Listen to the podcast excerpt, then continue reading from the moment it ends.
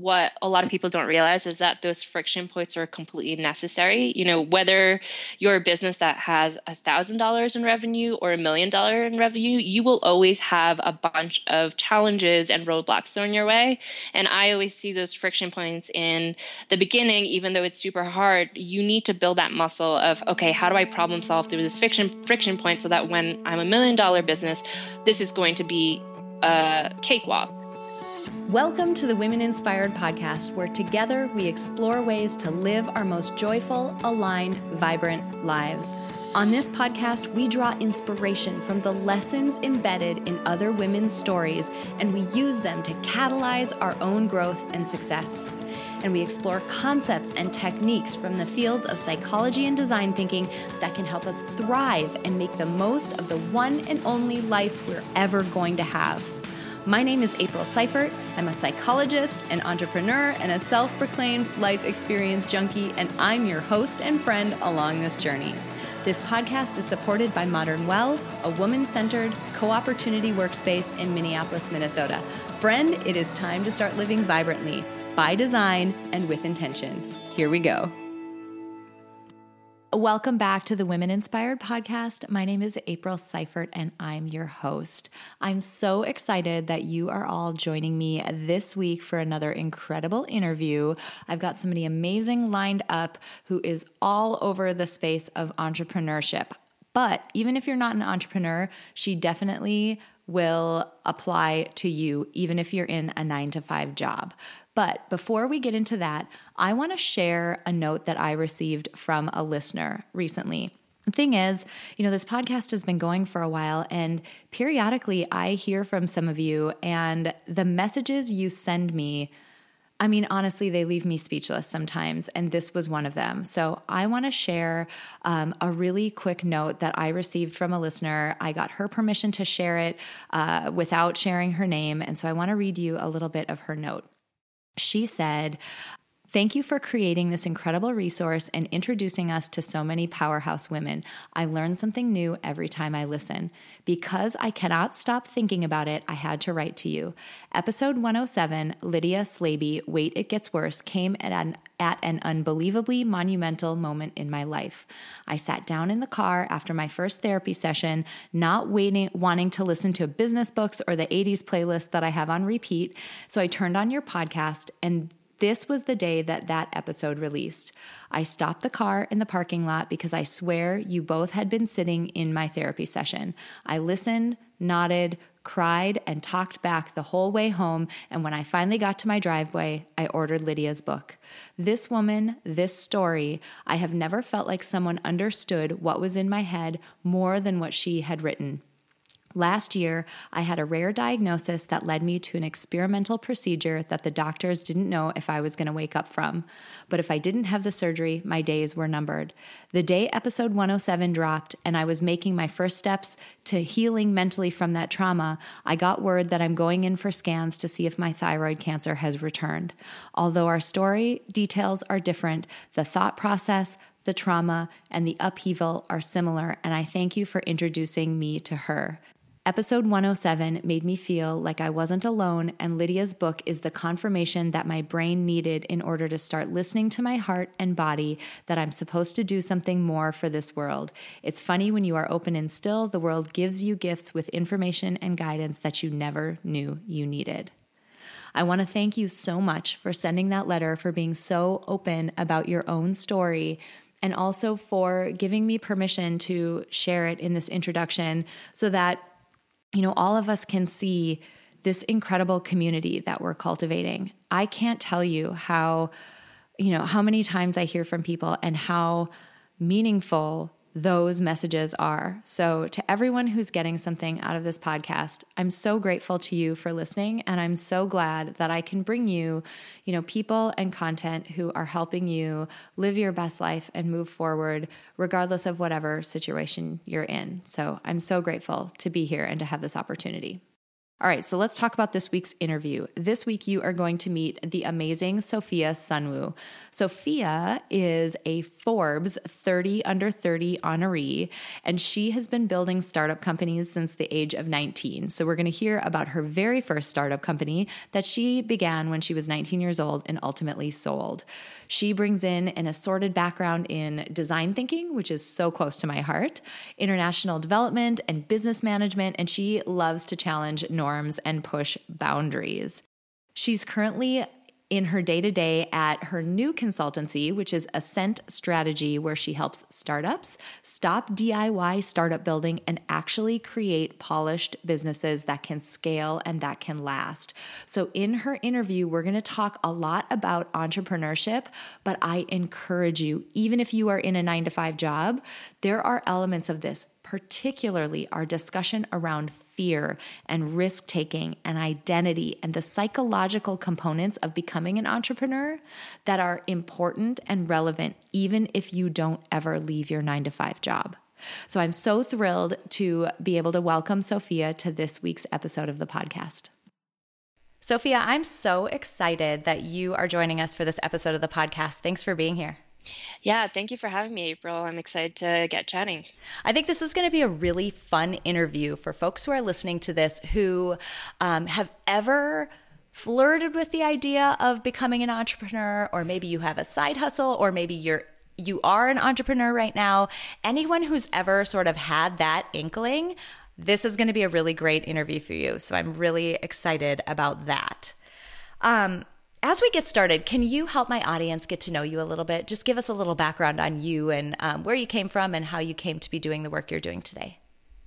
Sure. So uh, I've been in entrepreneurship my whole life. So I started my first company when I was 19. It was a clothing company that my college roommate and I founded. Uh, we were just a couple of bored college kids that loved going to rock concerts when we were younger. And we found that one huge problem with um, the rock concert scene is that they sell a lot of t-shirts for men that are not form fitting and they look terrible on women. So we wanted to create clothing that looked great on women so that you know women that go to these concerts could kind of you know express their love for music and things like that but not look terrible in it. So we started uh, that company and we had no idea what we were doing but i think that because we just kind of hit a really important pain point um, accidentally got successful. We ended up in about 200 retailers worldwide, had a couple of celebrities wear it. It was super exciting. Um, but, you know, after a few years, my co founder and I realized that, you know, we were so young and still figuring out what we wanted to do career wise and work wise and decide to sell the company. Uh, and kind of move forward from there. So that was um, really important lesson and kind of like my venture into entrepreneurship continued on and finished college after that.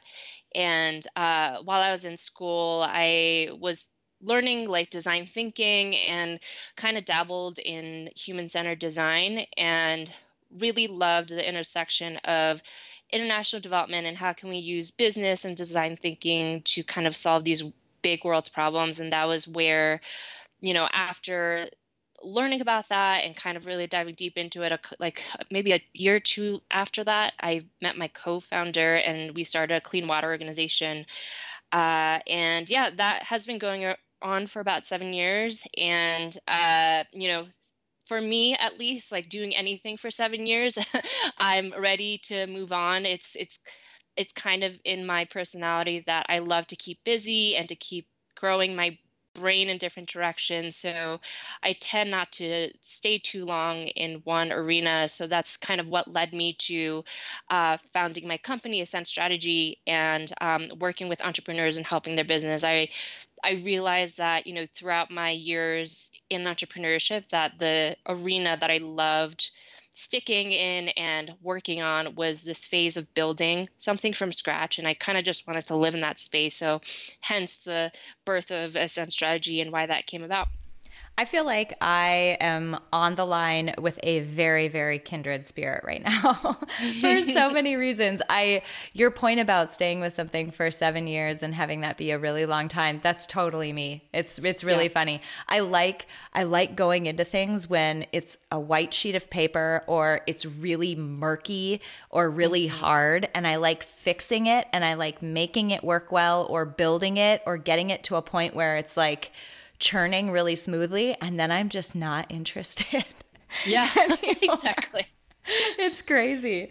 Um, you okay? So there are like ten things that I want to ask you, given what you just said. But one that I would be crazy if I didn't hit on was I want to go back to the 19 year old you who started your first company, and you mentioned you didn't know what you were doing. And what's interesting about that is that a lot of that stops a lot of people. They say, you know what? When I look at other people in business, it seems like they know a lot or they have a ton of background or a ton of experience. I don't have that. So I shouldn't, like, I, I probably can't do what they're doing. You didn't let that stop you. How how is it that you were able to move past that and do you have sort of thoughts or advice for people who that might be the thing that's holding them back yeah, that's a great question. So I think that the reason why I kind of had that fearlessness was a result of uh, being a bit naive and also, you know, before I went to college, I was when I was in high school, I had this very I was constantly daydreaming in high school and couldn't wait till the day I got out of high school and could do everything that my brain was thinking about. So I think that I had a lot of stored energy of oh my goodness, I'm finally out in the real world. I can do anything I want. What is it that I'm going to do? So I it was kind of that like frenetic energy that really mm. helped with, you know what, like even if I fail, I'm allowed to do that because uh, I've spent so many years kind of trapped in high school and not being able to do what I want and people telling me what to do. So I think there's like an excitement there that really helped me.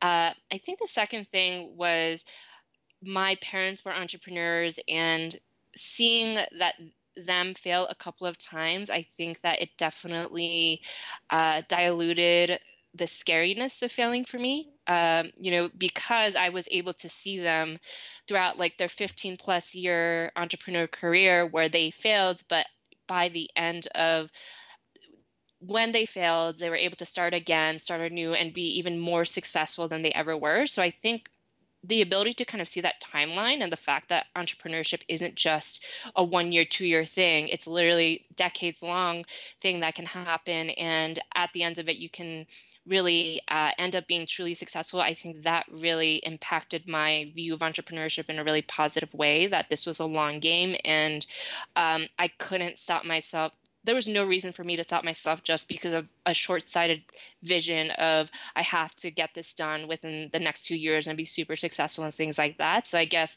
there was a sense of patience and understanding of the pacing of things that really uh, allowed me to be more open and um, not be so scared about how things were going to end up. And you know, of course, there's a lot of privilege in all of this where you know I was a college kid, so I didn't have rent to pay. I things all all of that stuff. So um, I didn't have that financial pressure, which was definitely a huge blessing. Um, now that I'm in my third venture and I completely am on, have been on the other side of it, where the financial pressure is so debilitating.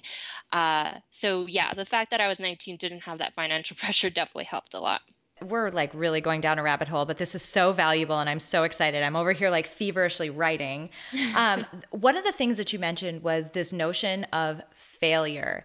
And that's another thing that stops people because uh, sometimes, you know, we take on a new thing and when it doesn't feel congruent with our identity just yet, when it's brand new and it's like outside of our comfort zone, it's psychologically like it's our human nature to be almost searching for a reason to not keep going because it doesn't feel good to be outside of your comfort zone. And those first stumbles or failures or whatever you want to call them, that's what people point at. They're like, oh, shoot, you know what? I started this thing, this bad thing happened, or I didn't succeed in the way that I thought I was going to. I must not be cut out for this. I can stop now. I tried it. I can stop. But people don't realize, and there's depth to this statement that I'm about to say. I don't mean it to be surface level. 100% of people who have wildly successful businesses failed over and over and over again. They just didn't, they decided that it didn't mean anything about them. It's just part of the process. And so for you, it's like you saw your parents fail, and it's like, oh, well, you know, they didn't, it wasn't like ruining for them. Like you just keep going and learn from it and, and do better after that. So I just had to make that comment because so many people use those friction points or barriers or stumbling blocks or failures as a reason to stop because it's so easy to go back to your comfort zone. But it's a total cop out because if you have that drive and you have that goal, you move forward in spite of those because they happen to everyone.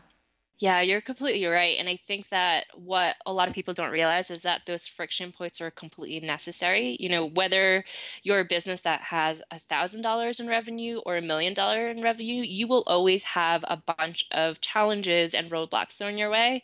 And I always see those friction points in the beginning, even though it's super hard, you need to build that muscle of, okay, how do I problem solve through this friction friction point so that when I'm a million dollar business, this is going to be a cakewalk. Like, so I completely see that as, you know, a lot of people would love to kind of fast forward their lives and their entrepreneurial career, careers and get to that end point where they're super successful and they have everything that they want and desired but the truth of it is is that you absolutely cannot get there without building this muscle and almost like a portfolio of like all the things that can possibly get wrong and you building your ability to problem solve and um, provide a solution not only like for the solution at hand but also like being able to emotionally and mentally carry yourself through those moments. Mm, that's huge. It is totally a muscle that um, the your tolerance for failure your tolerance for risk like the more you work on it the stronger that muscle gets the higher that threshold is. It's totally true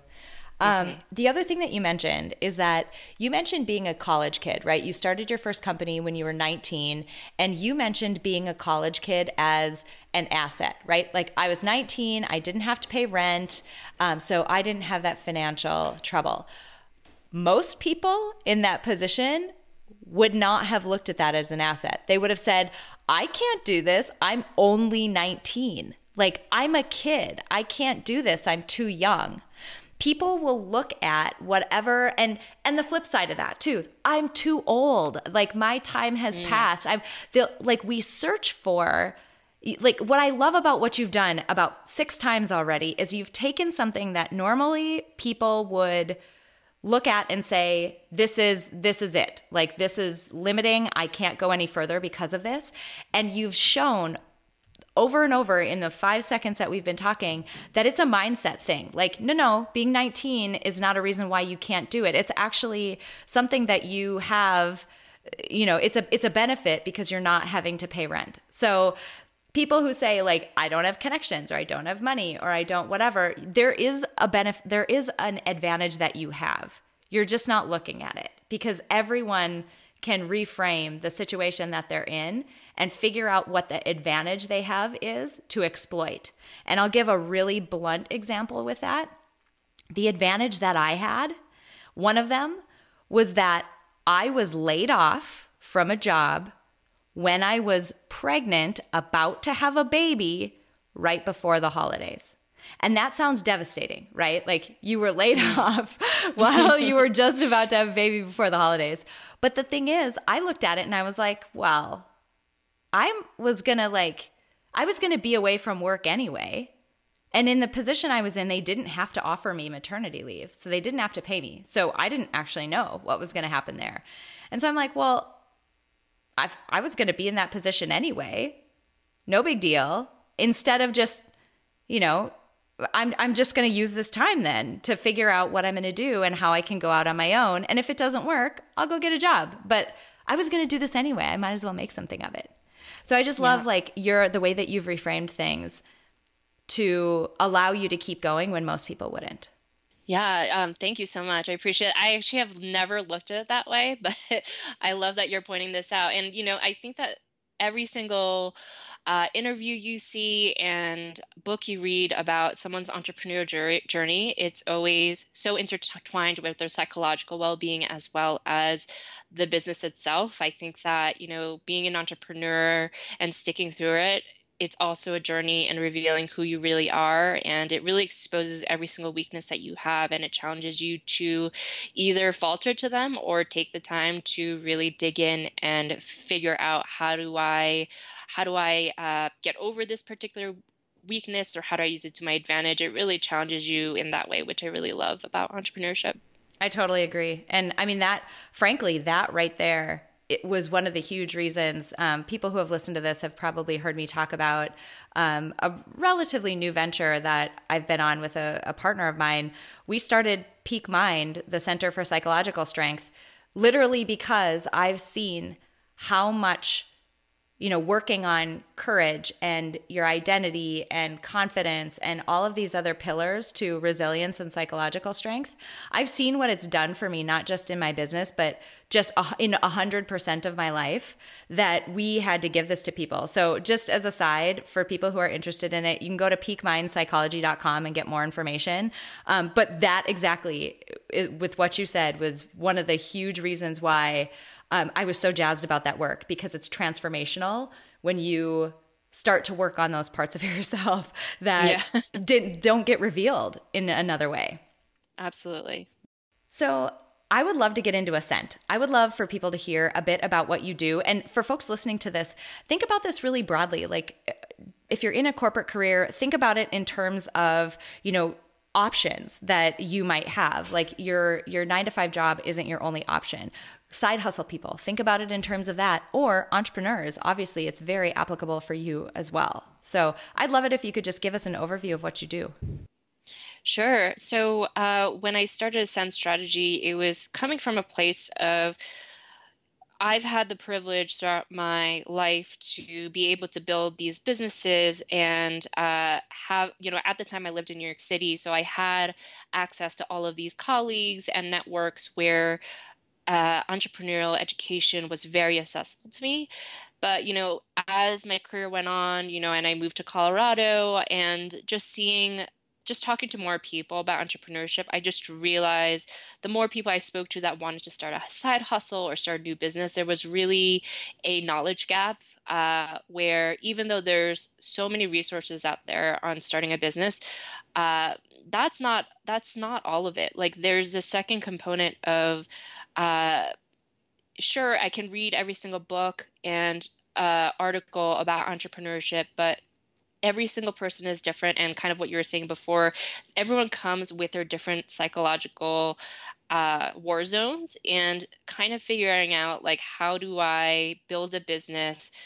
Uh, with my current resources and have the support of someone that's been there before so that I can receive accelerated knowledge on how to build a business without like having to do everything myself where I'm, I'm reading all the books by myself and all that. And a lot of that gets a bit clinical where you know you don't you you don't really know where your business fits within all that information. So i really wanted to kind of address this knowledge gap of okay there's plenty of resources out there but I want to make sure that the people that are serious about starting a business uh, receive the support and um, information that they need to start a business in their current space and um, the particular you know mission that they're addressing and build it in collaboration with someone that's been there before. And um, you know the benefit of that is that you're not kind of treading water year after year just using um, kind of like encyclopedia of resources, but not targeting it according to your specific situation. So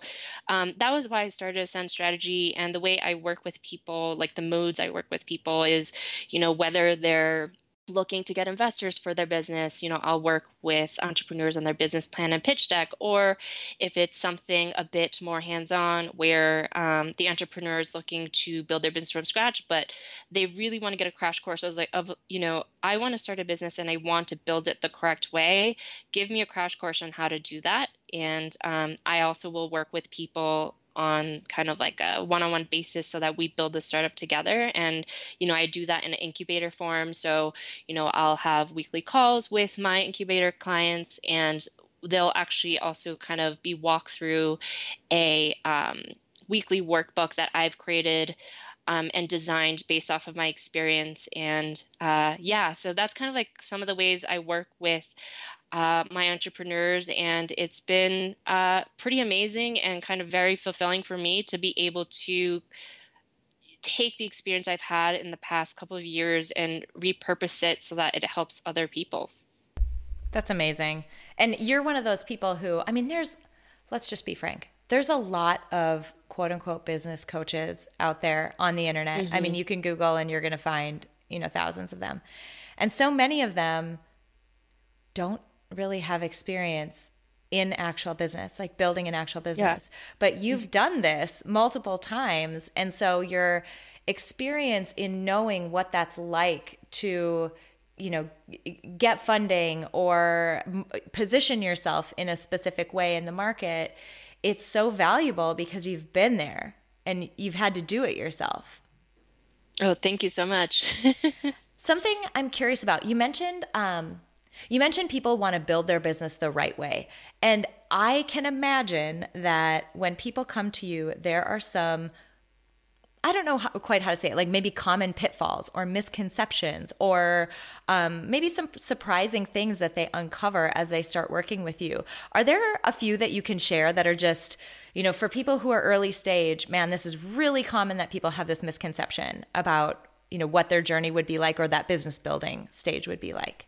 Sure there's so many, but I'll just give a few. Uh, so I think the most common thing is when someone for example comes from the corporate world or they've you know had a career as a social media manager let's say uh, when they start building a business they kind of use that career or position that they've had uh, for the past few years.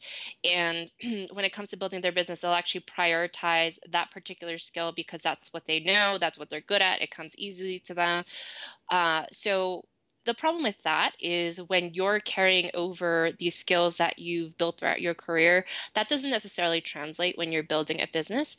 So when you're building a business, uh, your obvious priority in the first couple years is to figure out what is my revenue model and actually exercise that strategy of revenue and fine tune it in the real world so that it actually brings in monthly revenue that your business can rely on. So if that's kind of the goal. Your goal, your priority should be sales, um, and doing every single thing related directly related to sales. Everything else is not your priority in the first couple of years. And you know sales is really hard. If you're not someone with a sales background of course you're going to want to fall back to your like doing social media for your startup that no one doesn't know yet because it's easy for you. So uh, the problem there is you know your priority is something else, but because of your career of doing social media, um, you're going to fall back on that because it's easy. And then what you have is by the end of the year, all of your busy work of doing social media for a brand that no one has ever heard before. You maybe have, you know, 200 followers, but it didn't really convert into any type of sales. So um, that is a huge thing I see where people fall back on their existing knowledge rather than kind of pivoting uh, their priorities and and putting themselves in the mindset of like i'm not in a corporate office anymore. I'm not someone who's siloed off into a one department and have this one role. I have to take on a bunch of new hats and need to re-pivot myself so that i'm prioritizing the things i need to do for my business so that it actually brings in revenue in the first year. So that's a huge thing. Um, and of course it's it's also easier said than done right? You know going out and selling, putting yourself out there, getting rejected, that's such a scary thing. And because it's so scary, I see a lot of entrepreneurs spending 20% on their sales in the first year when they actually should be spending 80% on their sales and bringing in revenue. Uh, so that's number one huge thing that I see. Uh, the second thing that I see that entrepreneurs get wrong is that uh, they don't realize that time is their most important and a finite asset. I always advocate for uh, when it comes to your to do list for the next six months, you should be prioritizing and only doing the things that you can only do, and everything else you should be paying someone else to do it for you. And, you know, entrepreneurs who are bootstrapping say, oh, but I can't do that. I don't have much money coming in, things like that. But um, the truth of the matter is, if you do the math, you if you are the architect that is building your startup, you in actuality, if I were to convert that into numbers, let's say you as the architect of a business, you should be charging 200 an hour, hour for your time. So if as the architect you're doing administrative work like doing bookkeeping and putting out social media posts that's not a 200 per hour task um, you can easily pay someone especially in this global marketplace when it comes to freelance you can pay someone $15 an hour to do exactly what you what you're doing admin wise because um, that 200 an hour that you're personally have a value of that 200 an hour should be spent on sales building the business, all those things that no one else can do but you. So that's another thing where people have a misalignment when it comes to assessing time versus money. There are plenty of situations when you're first building a business where your personal time shouldn't be spent doing all these administrative little tasks that can easily be uh, paid to someone else. At the end of the day, your time is the most valuable as the architect of your uh, startup, and that's and having that sitting down and making that assessment and being truly honest with yourself of what you need to export and what you need to do yourself is a huge misstep that I see with a lot of entrepreneurs. I can totally see myself in both of those at various stages and a lot of the folks that I intersect with just as I you know network and meet other entrepreneurs out there you can totally see that and on this concept of sales something Uh, that I'm I would love to get you to dive a little bit deeper there it's something that has come up recently that it's embarrassing for me to say that only recently has this really sunk in. Like I I quote unquote knew it surface level before, but I'm saying really sunk in to the core of me and it was completely freeing is I was always nervous about selling because of this notion of rejection. It's not that I didn't believe in the product, right? if you don't believe in what you're selling, you really shouldn't be selling it. Um, that's really key. You have to believe in what you're selling. So that was definitely there. But I was like, oh my gosh, these people are going to reject me. And what I only truly took to heart recently, and I'd love you to comment on it because this is another psychological thing, is I, me, the person, April, I am not my business and I am not my product. I'm not the same as the product I'm selling. Even if it's a service I'm delivering, that service is its own entity. So when people say no to it, they're saying no to that service. They're not saying no to me. They're not rejecting me. You know what I'm saying? Like mm-hmm. you don't have to feel I think so much that that fear that we have comes from us being afraid and this is psychologically it's human nature. We're afraid that people are going to see us in a bad light or that somehow our value as a person isn't going to be validated by that other person's reaction. And your value as a person has nothing to do with the product or service that you're providing. That product or service has its own value in the marketplace and it will be judged on its own. But you're still just as valuable as you were before. And that's so hard for people to understand and I, it only recently like hit me. And i'm like oh well i'm officially not afraid to sell anymore. This is great Oh my goodness, yes, that is a huge problem that a lot of the entrepreneurs I work with and even myself that I've dealt with. It's and it's really hard, right? Because when you're creating something from scratch and it's it's your baby, it's so hard to then say, okay, I need to detach myself from this product because I get really hurt when someone says no to me. So it, it's really contradicting. It's, it's really hard to kind of put yourself in the place where you have that realization and also take the proactive steps to separate yourself from it. Uh, my coach, who has taught me so much, she um, rephrases this in a really great way where you know i was talking to her about this exact challenge and she said look like you're looking at this from the way of uh, rejection and loss. How about if you repositioned your thinking and thought of it from the perspective of wow, like I'm in this position of where I want to serve people. I want to help people. I want to help as many people as possible. If I hide in any way, mm. I am preventing myself from helping all these people that I desire. So, mm-hmm. kind of like flipping it on its head and thinking it from that perspective, like the loss from you hiding and not selling is actually um, way more kind of sad to think about like yes like if my desire is to help and serve people what benefit am i doing by hiding? Um, i'm doing the complete opposite of what i desire. So uh, i really love thinking about it that way too. I think that um, it's a nice way to kind of just, just flip the perspective of not only not from like the perspective of self but from the perspective of like the people i want to help and support in a positive way. Amazing it goes even further that detachment um, into I, saw someone I follow on Instagram, um, Yasna Bursa recently, I think it was her, posted something around pricing and how we price our services or our products. And she said, I'm tired of hearing people say, I set my prices, especially service based businesses, I set my prices at this level because I'm worth it. I'm worth it. I'm worth it. She's like, you are not your service. You are not your product. Your product or service will be, you should price it at the value that the market sees in it, at the transformation that you can create or that that service creates. It doesn't have anything to do with you. You aren't mm-hmm. your service.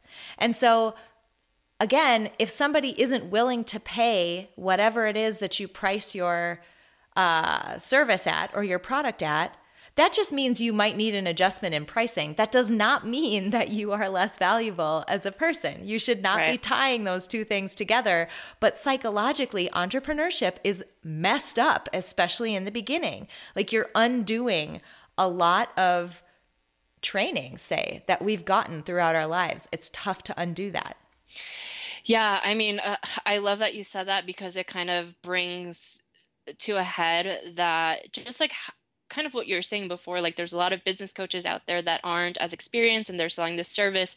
And when it comes to conversations about money uh, that conversation is actually incredibly convoluted where it's not just a layered like a one one dimensional thing where like yes like charge what you what you're worth.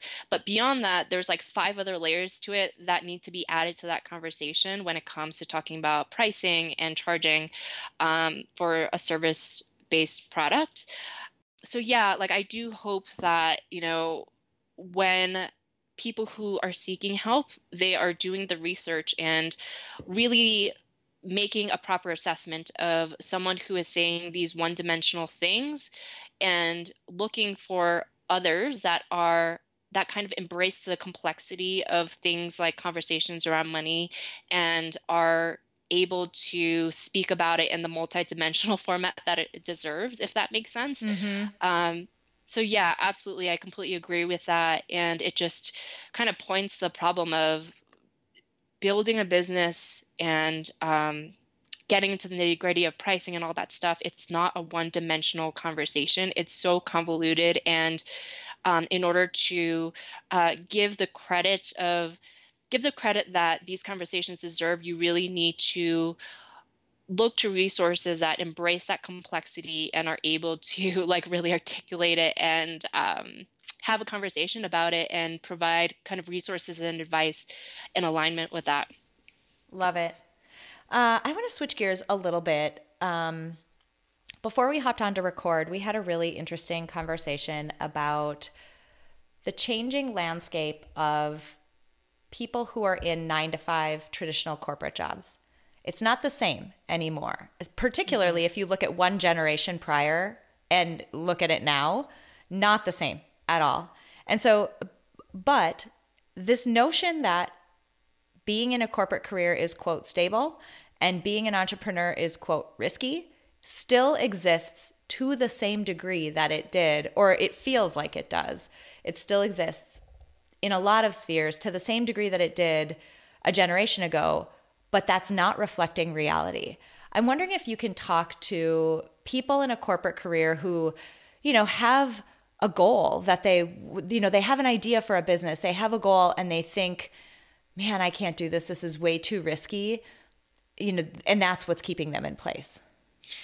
Yeah, I completely agree as far as this misconception of the risk involved with entrepreneurship. I think that, you know, for me, I've definitely been in a phase of my life in the past where I've contemplated should I stay in entrepreneurship or should I look for a full time role somewhere? And I think, so for me, the realization that I had was that beyond the current moment that I was in at the time, if I were to fast forward my life 40, 50 years from now, uh, there is something very, very relieving and uh, very satisfying in your personal ability to bring in money no matter what. Because at the end of the day, when you're at a nine to five job, you will always be. Uh, your freedom is always dictated by an employer and their needs and not to mention recession and things like that like you are always um, you are always holding that risk of if someone doesn't want you, then uh, you have to look for something else and you have to rely on other people and depend on an employer. Whereas if you're an entrepreneur and you're able to make money no matter what, you are going to be fine in any situation, even when you're in your 60s and uh, you just need to uh, bring in money to kind of pay the bills and do whatever else you want in your free time. Like that is so empowering to have that freedom of no matter where I am or what I'll be doing at the time, I know that I will always be able to bring in the money that I need to support myself and live my life beyond work on my things I love, like hobbies and things like that, on my time and on my um, when I want. So for me, I, I realized that there is a lot of freedom in that. Uh, I think that another thing is when you work and you know i'm obviously generalizing here but i'm just speaking from experience of colleagues and friends that i've spoken to endlessly about this is that uh, there's a sense of being at a nine to five job sometimes uh, you're not always going to love what you're doing. And because people are so married to the idea of i need a you know bi-monthly paycheck to pay my bills and I love the security of that. Well, is that really worth the sacrifice you're m- making on your emotional and psychological um, well-being like I, I have so many friends that are so unhappy at their jobs and they've been doing that for years where like how can you possibly live the past five years of your life completely unhappy at your job that's the majority of your life um, to be quite honest. And uh, that doesn't seem like a good deal to me emotionally, mentally, psychologically. Um, and a lot of people don't do that math of what am I giving up and sacrificing for my health and well being by being basically bankrupt. Um, where I'm not loving what I'm doing for like the majority of my day. Uh, so I kind of look at it in both ways where there's a lot of risk that you're taking by not doing what you want, whether it's um, the ability to provide for yourself or the ment- uh, mental, emotional, psychological uh, things that you're giving up. So for me, that's way more risky than a temporary, you know, two years of just struggling and working super hard and hustling to get your business off the ground.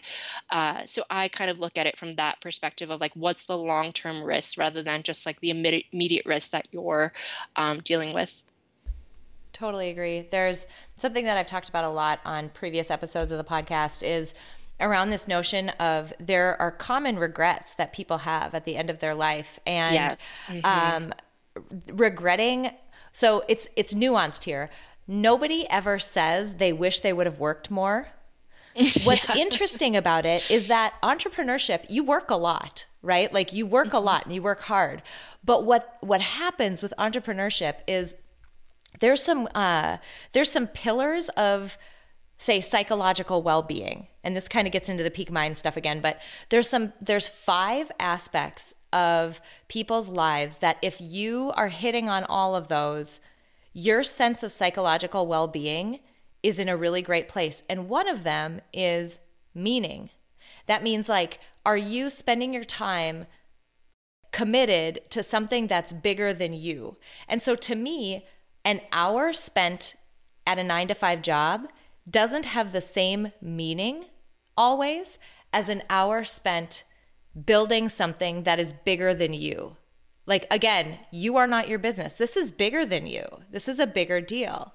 So for me, it hits on both of those aspects. Like, it's, and it goes back to something you said about entrepreneurs, but uh, it's something that I say to people all the time about life. You know, you mentioned this concept of time. Time is the most non renewable resource that we have. You get these years, like these years that you're going to be working, you get to live them once. And mm-hmm. you really do get to decide how you live them and how you cobble together. Like ultimately, you like if you figure out how much money you need to live or feel comfortable, there's nothing saying that all of that money has to come from the same place. You just right. need to be able to hit that number to pay your bills and feel good and save and all of that, right? Yeah. There's nothing, and this is where the fun stuff comes in. And you mentioned we haven't even gone there, and I don't even know that we have time to like really go down this rabbit hole, but you mentioned this notion of design thinking. When I do life design work with people, which is a big chunk of the stuff that I'm doing inside Peak Mind, when I do life design work with people, we use the design thinking framework because it gets people to think about that number, may, round number. Say you have to make a hundred grand a year, right? Like that's mm-hmm. that's what you have to make to pay your bills and feel comfortable come at that number not from how do I find one single job that will pay me that? Can you create a situation where maybe some of your time is spent in a typical job where you're getting a paycheck, but maybe another chunk of that revenue comes from something that's more meaningful to you? And that experience that you have ultimately from that type of scenario is going to be so much more rich and rewarding at the end of your life when you have no time left and can't change things than just slaving away if you're unhappy. I'm certain there are people out there who are happy in their jobs, and that's great. This doesn't apply to you. But for people who are out there, you know, driving to work right now, listening to us, thinking, oh my God, I don't want to go sit in my cubicle for another day or deal with that person for another day or whatever it happens to be, be on that call again this is for you to start thinking about. Yeah.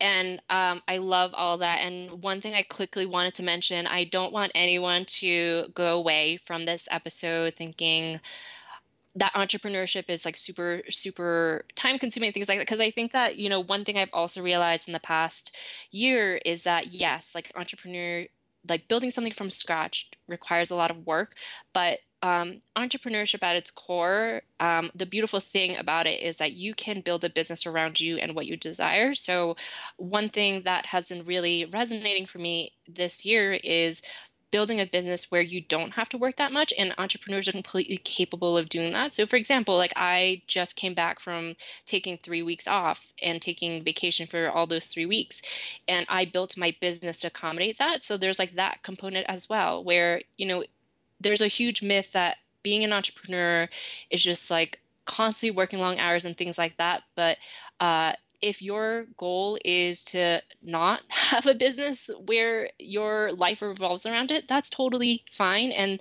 that's something that entrepreneurs are completely capable of doing as well. We are such kindred spirits. It is not even funny. Um, as we're wrapping up today, I'm wondering if you have just some quick advice for, let's say somebody's really starting out, like have an idea, they're about to, you know, start working on it, or you've convinced them that it's something they should go after. What are the first few things, first few bits of advice that you would give that person to get them started off on the right foot? Oh, yeah, that's a great question. I think uh, the first thing is don't go it go about it alone. You know, in my whole journey of being an entrepreneur, I think the only times I truly felt like I was thriving and going in the right direction were the moments where I opened myself up to getting outside help so that's a huge thing. I, and kind of going back to everything that we talked about in this episode about how entrepreneurship is such a psychological journey as well um, and because of that i think it's completely necessary to kind of have a second hand who's there for you and is able to speak with you through that whether it's a friend or a coach or a therapist like whatever it is I found that that's completely necessary because there's a lot of blind spots that all of us have. And in order to be an incredible entrepreneur, you need to be willing to confront those blind spots and um, overcome them. And it's really, really hard to have that ability just by yourself. So having that outside person is super important, in my opinion. The second thing is just being open and honest with yourself. I think that a lot of the times we create our own roadblocks and challenges when in actuality there's a really easy answer as long as you let go of some preconception you have of a story that you've held on to your whole life or what society has told you is correct or not correct. Um, so just being super open and honest throughout your entrepreneurial journey will actually change a lot of things for you. And at the end of the day, when I work with my clients, if I dig into kind of the seed of every single problem they have, it has a lot to do with these two simple concepts of being them being honest with themselves and open to change and um, constructive criticism.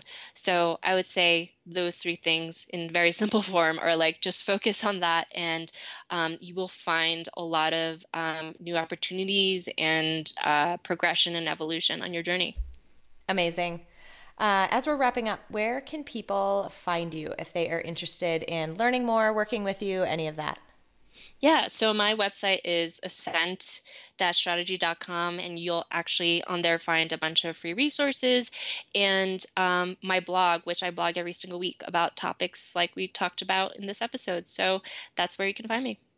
I love it. Sophia, this has been just wonderful to have you on. I like I've said it twice already, but I feel like we're very kindred spirits both in our approach to thinking about business and how it's shaped us as people, and then also how that fits into our broader lives and the importance of it. So, this has been just amazing, and I'm so thrilled that you took the time to come hang out with us for an hour and lend your wisdom. Thanks for being here.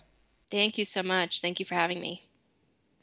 Okay, friends, I really hope you enjoyed that interview with the amazing Sophia Sunwoo. I had such a great time talking to her because truly, we are just kindred spirits. There is so much about her and the approach that she takes to her work that aligns so beautifully with everything that you know we're doing here at Women Inspired and the work that I'm doing with Peak Mind. It is just awesome. So it was so much fun. I seriously could have talked to her for like another hour, but I will spare you all that. Um, I want to dive into a few things as usual. She said something amazing. She said a lot of things that were amazing, but one thing that was incredible that she talked about was starting her first business. She said that what benefited her is that she was a little bit naive and fearless at the beginning. Naive meaning she didn't actually know what she was getting into, so it didn't seem that scary to worry about it to get started. I can't tell you how many times I've heard that exact thing from so many women who have built incredibly big companies, have been incredibly successful. They credit their ability to move forward and to get started. They credit that ability to just being a little naive.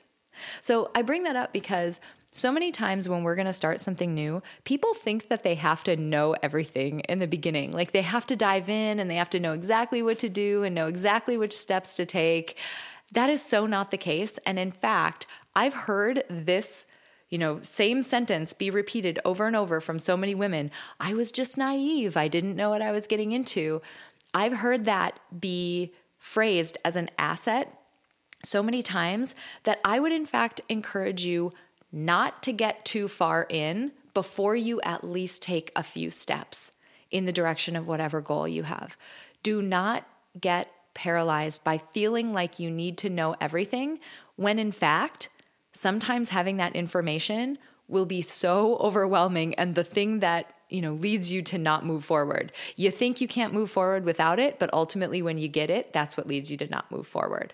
So embrace the fact that you're a little bit naive in the beginning and just move forward anyway because once you get down that path a little bit momentum starts to pick up and it's incredible what you can do when you're in that state Second, oh, I loved, I loved, loved, loved the discussion that we had around failure being a necessity because I keep going back to peak mind, but there were so many places that were so relevant.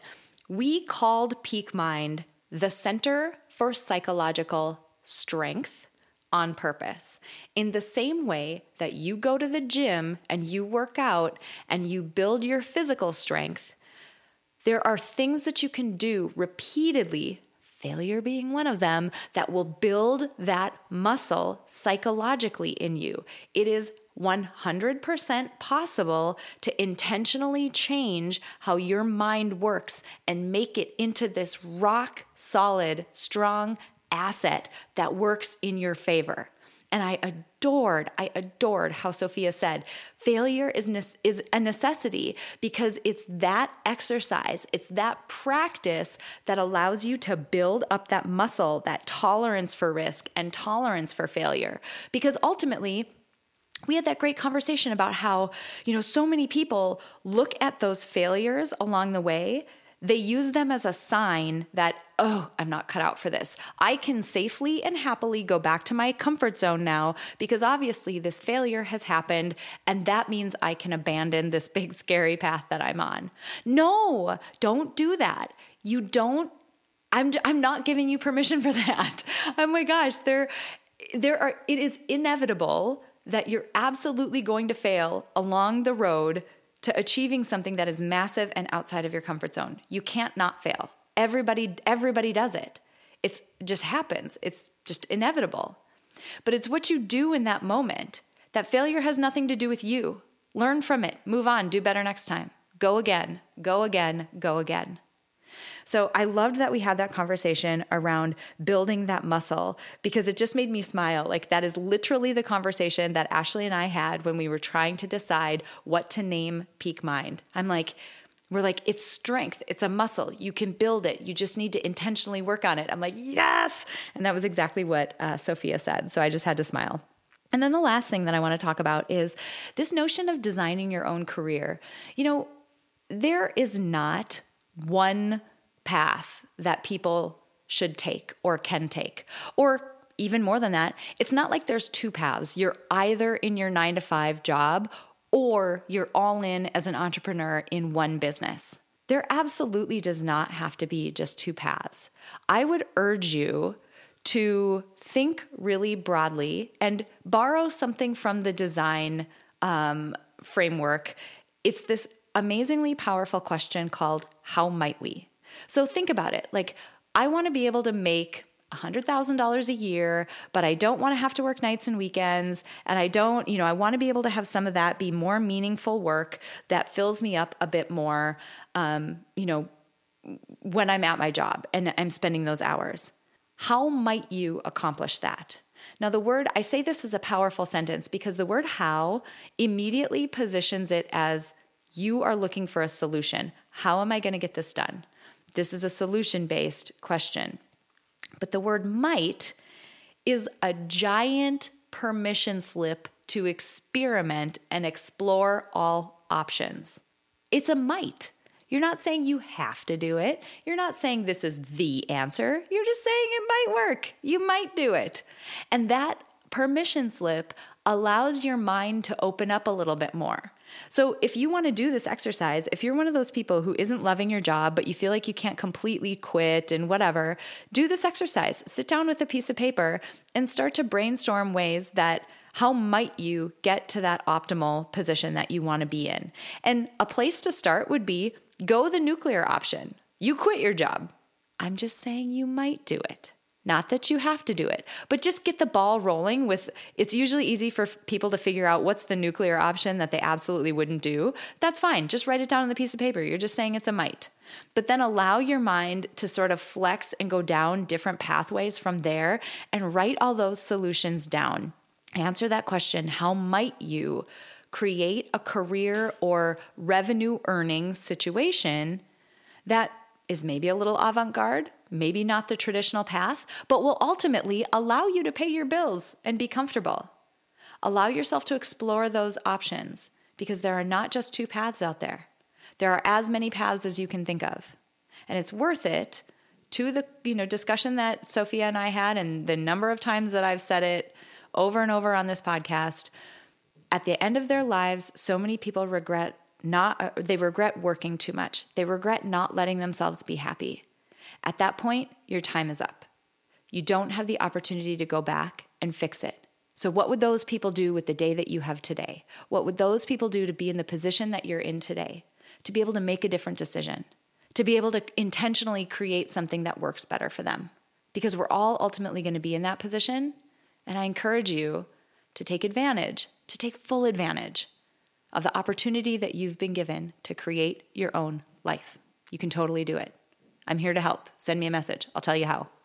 All right, friends, it has been amazing chit chatting with you this week, and I hope you have an incredible rest of your week. There are amazing women coming up. I'm just thrilled every single week that I get to sit down with these incredible people. And I love that I get to connect with you in this way. So please keep the messages coming. iTunes reviews, I adore them. Keep them coming. You have no idea how much it means to know that I have your guys' support. So thanks for being on this journey with me. I'll chat with you next week.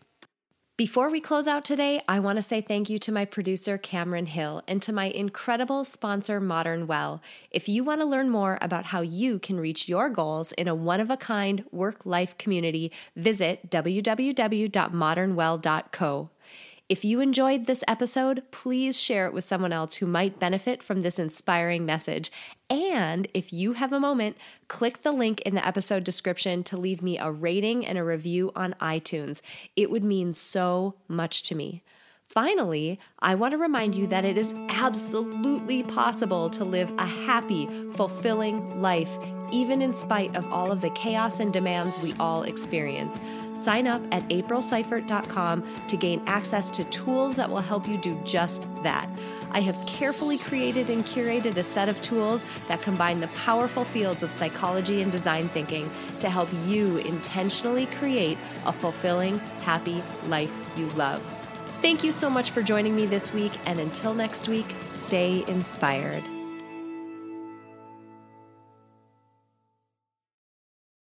At Parker, our purpose is simple. We want to make the world a better place by working more efficiently, by using more sustainable practices, by developing better technologies. We keep moving forward. With each new idea, innovation, and partnership, we're one step closer to fulfilling our purpose every single day. To find out more, visit parker.com/purpose. Parker, engineering your success. As humans, we're naturally driven by the search for better. But when it comes to hiring, the best way to search for a candidate isn't to search at all. Don't search, match with Indeed. When I was looking to hire someone, it was so slow and overwhelming. I wish I had used Indeed. If you need to hire, you need Indeed. Indeed is your matching and hiring platform with over 350 million global monthly visitors, according to Indeed data, and a matching engine that helps you find quality candidates fast. Ditch the busy work. Use Indeed for scheduling, screening, and messaging so you can connect with candidates faster. And Indeed doesn't just help you hire faster. 93% of employers agree Indeed delivers the highest quality matches compared to other job sites, according to a recent Indeed survey. And listeners of this show will get a $75 sponsored job credit to get your jobs more visibility at Indeed.com slash podcast. That's Indeed.com slash podcast. Terms and conditions apply.